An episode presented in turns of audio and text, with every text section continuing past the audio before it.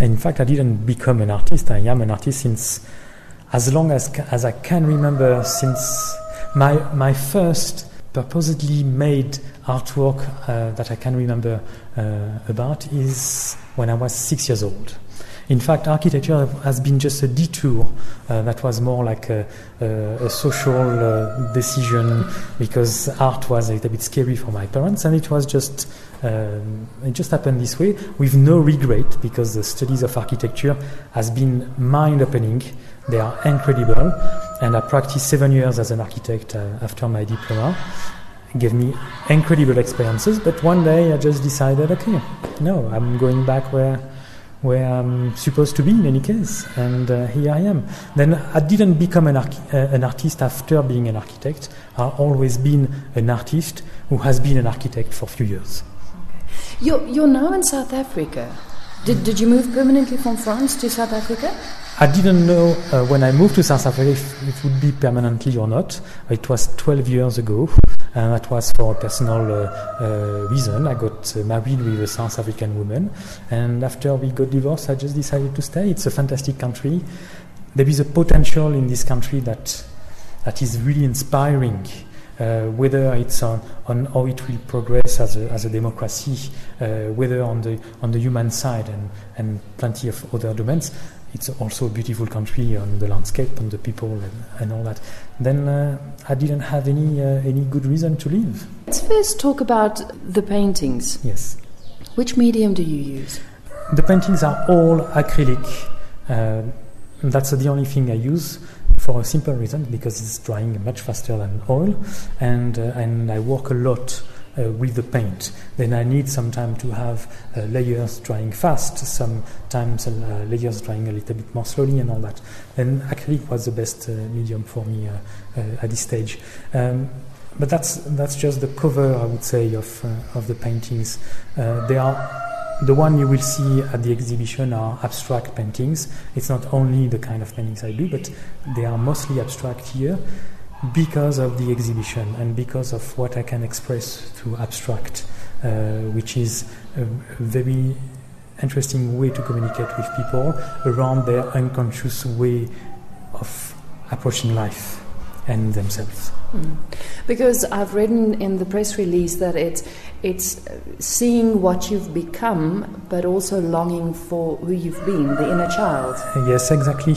Um, I'm, often people ask me uh, uh, in life, "What are you doing, Philippe?" I'm like, uh, "Okay, I'm an artist." That's a very easy way for them to put a label on what I do. They will see painting, sculpture. It's very easy for people to to see that. In fact, I am not an artist. I'm a storyteller first, and I use art to communicate. Then being an artist for me is not just producing artworks. I mean, uh, that's uh, uh, that's the physical act of of who I am.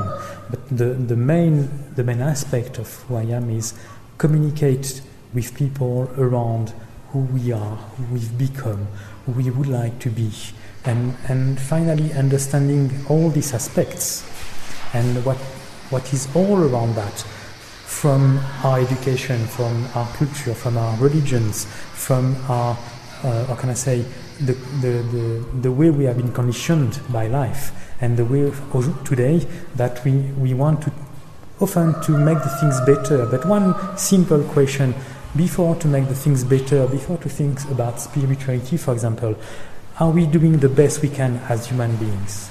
With our potential today, all of us, are we doing the maximum we, we, uh, we could? Mm-hmm. And, and it's just bringing the people to question themselves. And art is a fantastic way because I don't want to impose any idea to anybody. All my pieces, with no exception, can be seen in, in one way or its opposite way. I don't want to say right or wrong or good or bad because there is no right or wrong or good or bad in, in especially specifically in art. And and the notion of right or wrong it's very depending on what what somebody will think.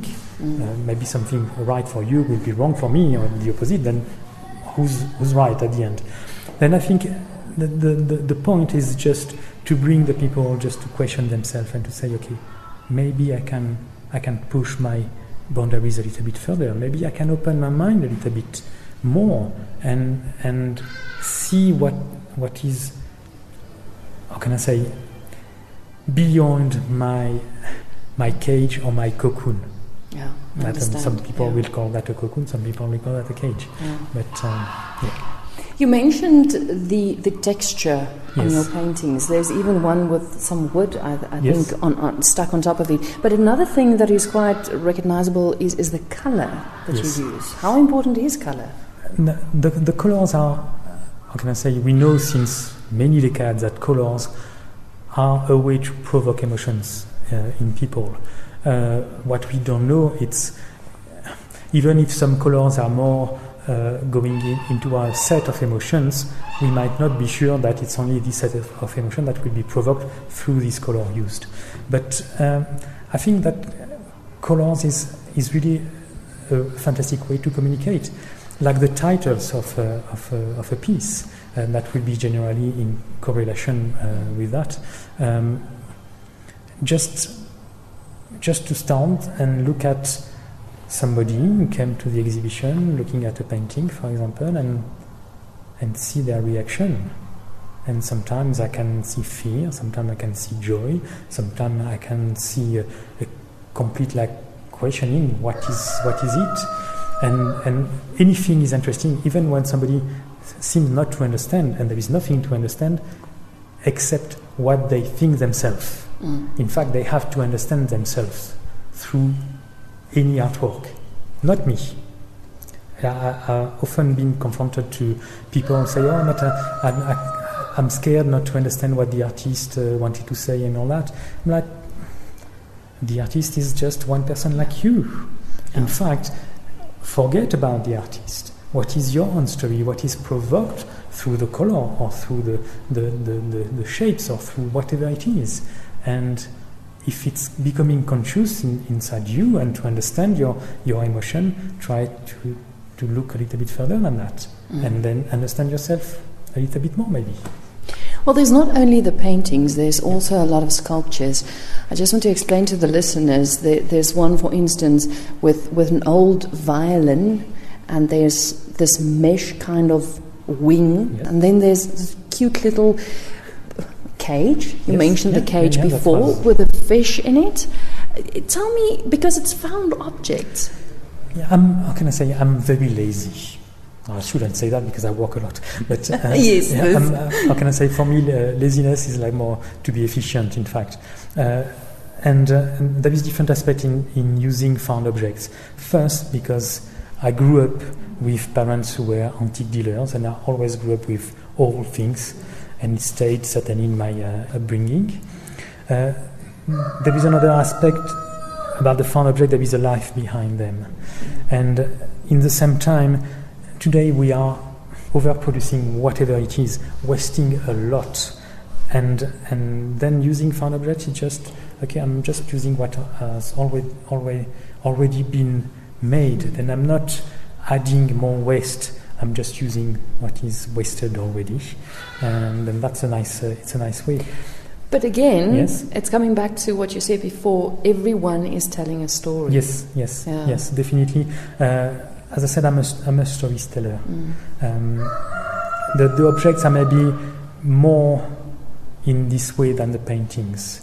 Um, the exhibition really, the, the abstract paintings are like, how can I say, they are not an intellectual work. They are really something coming from the gut and from the Mm. heart. Uh, I even don't think about what I'm doing when I'm painting. It's just after that I, I start, how can I say, to see what I'm doing consciously. The objects are a very different aspect. It's uh, the opposite. I'm working consciously towards a result and uh, knowing that uh, what I will be able to communicate with people around that. It's not only the paintings and the sculptures, there's also jewellery. Yes, I'm a little bit uh, a weird person. Uh, I'm also silversmith and goldsmith. Uh, that was my first thing when I stopped architecture. I went into uh, silversmith. Uh, I'm a self-taught silversmith, in fact. Uh, but the jewelry today for me is people will think it's completely disconnected of what I'm saying and painting and uh, sculptures. No, not at all.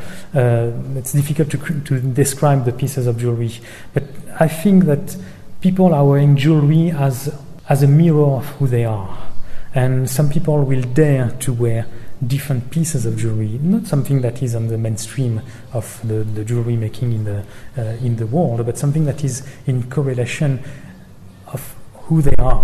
Yeah. And that's what I, I'd like to communicate with the people through that. Are you daring to wear the, a, a big ring that is apparently something uh, that uh, everybody will look at it? Then people will look at you, of course, will start to think about who you are because you dare to wear something different.